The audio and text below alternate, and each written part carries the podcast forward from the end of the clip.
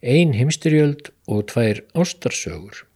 Í þessum písli er ég enn á snærum persónusögunar eins og oft, bæði fyrr og síðar. Hér skoða ég tvo ástfangna austuríkismenn og þessi teksti byrtist fyrst í fréttablaðinu 11. janúar 2014.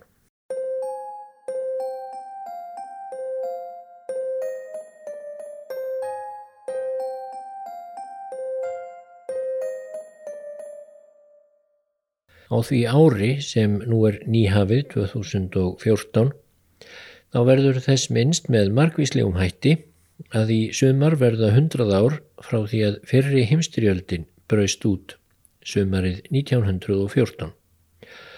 Hún var einhver hrikalegasti hildarleikur sem mannkynnið hafði háð fram að því samkvæmt varlegum útreikningum létu um 15 miljónir manna lífið.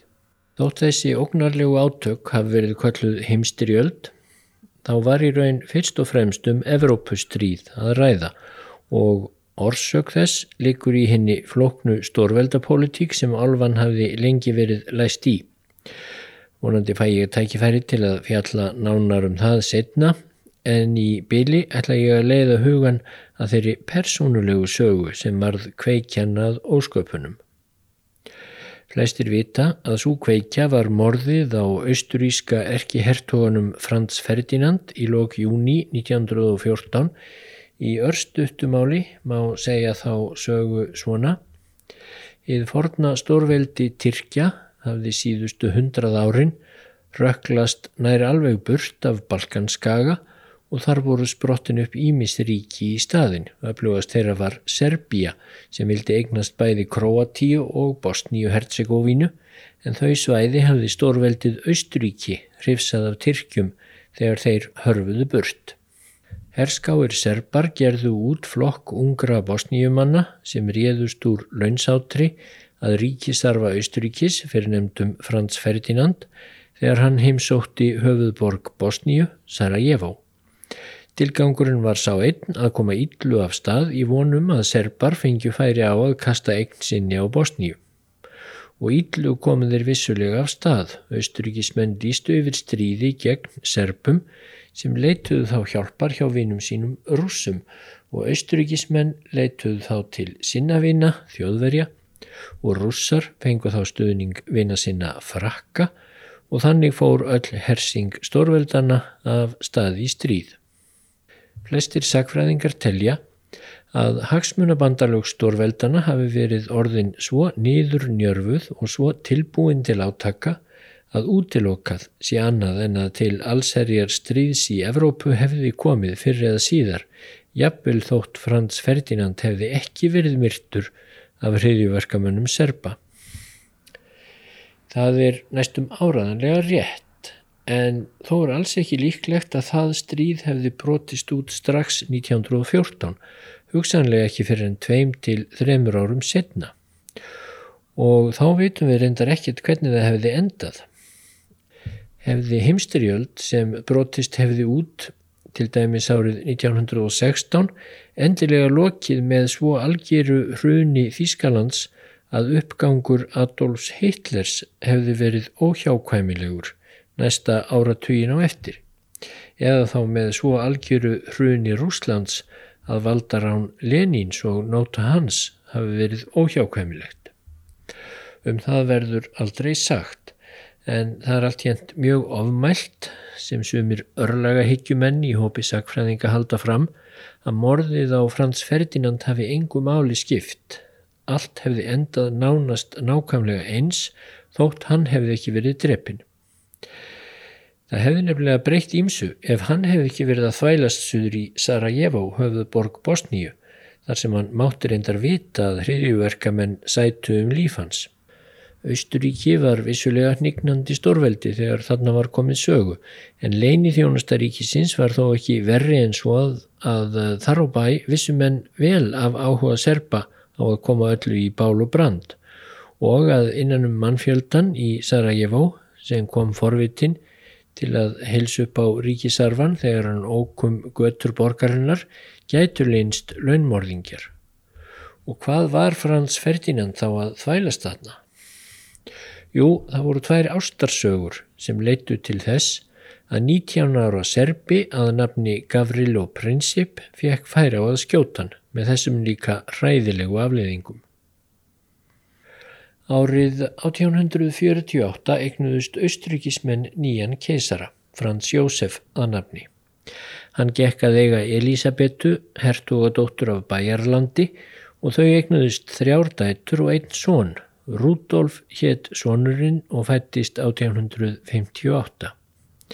Hann var sem sé krónprins og ríkisarfi föður síns og rúmlega tvítugur var hann látin giftast Stefáníu, dóttur Belgíu konungs og þau eignuðist fljótlega eina dóttur en síðan fór mjög að trostna úr því hjónabandi.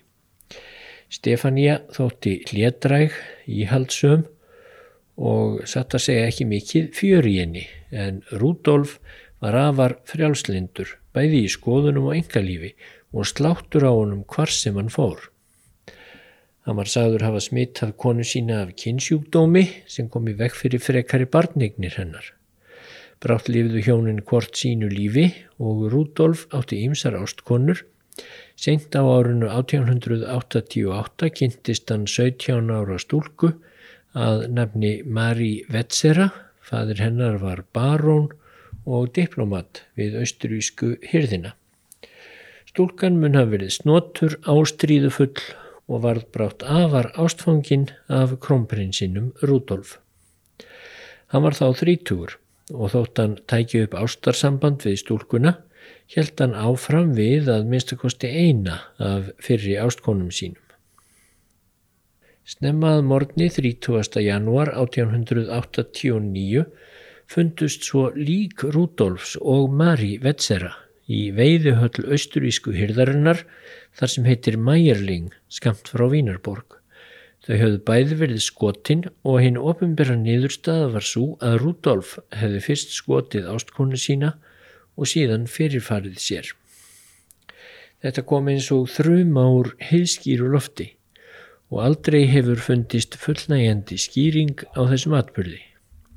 Sumir telja að Rudolf hafi verið með dauðan á heilanum og halda því fram að hann hafi áður stungið upp á samílegu sjálfsmorði við aðra ástkonu sína. Aðrir álítið að stúlkan Mary hafi fylgst örvæntingu þegar rannu fyrir henni að hún myndi aldrei geta orðið Rudolf annað en ástkona í felum en ekki ofinberi eiginkona Hún hafi þá jafnvel sveift sig lífi fyrst og hann síðan ekki séð sér annan kost en að fylginni. En aðrir telja að Rudolf hafi myrt stúlkuna í einhverju ástaræði og til þess að losa sig úr þeim vandræðum þá hafa hann ákveðið að ganga fyrir ætternistapa.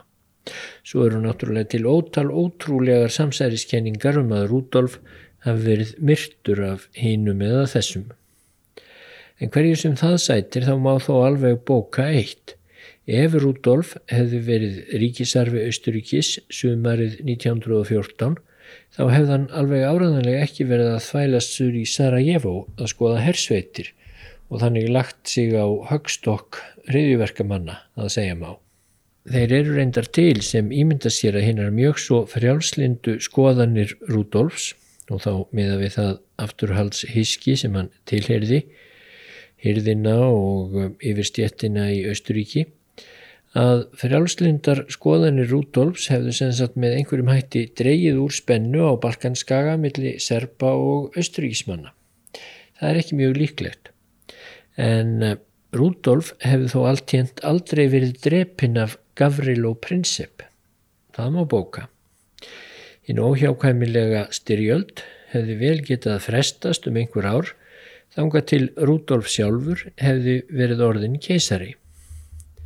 En þegar hann var dáin, hver átti nú að verða ríkisarfi? Enga dóttir Rúdolfs kom ekki til álita og því var bróðursónur Frans Jósefs keisara fyrir valinu fyrir nefndur Frans Ferdinand. Hann var nokkrum árum yngri en Rudolf afturhaldsamur mjög og stífur mjög í flestum skoðunum. Leita á sig sem Hermann og var satt að segja heldur óspennandi fýr í alla staði. Aðeins einu sinni kviknaði líf undir vandlega vaksbornu yfirskekkinu. Það var þegar hann varð ástfangin. Og svo ást var aldeilis endurgoldin. Konan hétt Sofía. Hún var af bæheimskum aðalsættum en engan veginn nógu fínum við hyrð Frans Jósefs. Keisarin tjáði því ríkisarfa sínum að Sofía þessi geti aldrei orðið keisarænja í Austuríki. En Frans Ferdinand giftist henni samt, svo heltekin var hann af ást til Sofíu sinnar. Andúð Frans Jósefs þýtti hins vegar að sínir þeirra Frans Ferdinands og Sofíu fengju aldrei að verða keisarar og Sofía fekk aldrei að vera við hlið eiginmannsins við ofinberrar aðtapnir í Vínarborg. Þetta var niðurlæging sem þau hjón tóku eins og hverju öðru hundsbytti en sumarið 1914 fengu þau sjálfgeft tækifæri til að koma fram ofinberlega sem hjón án þess að hún þyrti að lúpast einhver stað langt á eftir eiginmanni sínum eins og raunin var þegar þau komu fram í Vínarborg eða öðrum stórborgum ríkisins. Frans Ferdinand var nefnilega sem fyrir segir hermaður og nú var honum bóðið í krafti hersöðingjategnar sinnar að koma og skoða austurísku herdeildirnar í Sarajevo. Og það var ástæðin fyrir því að Frans Ferdinand lagði þá hættu för sem Korki hann, Nýja Sofía, snýru aftur úr. Ástinn og löngunin til að vera með sinni heittelskuðu olli því að fyrri heimstyrjöldin braust út einmitt sumarið 1914.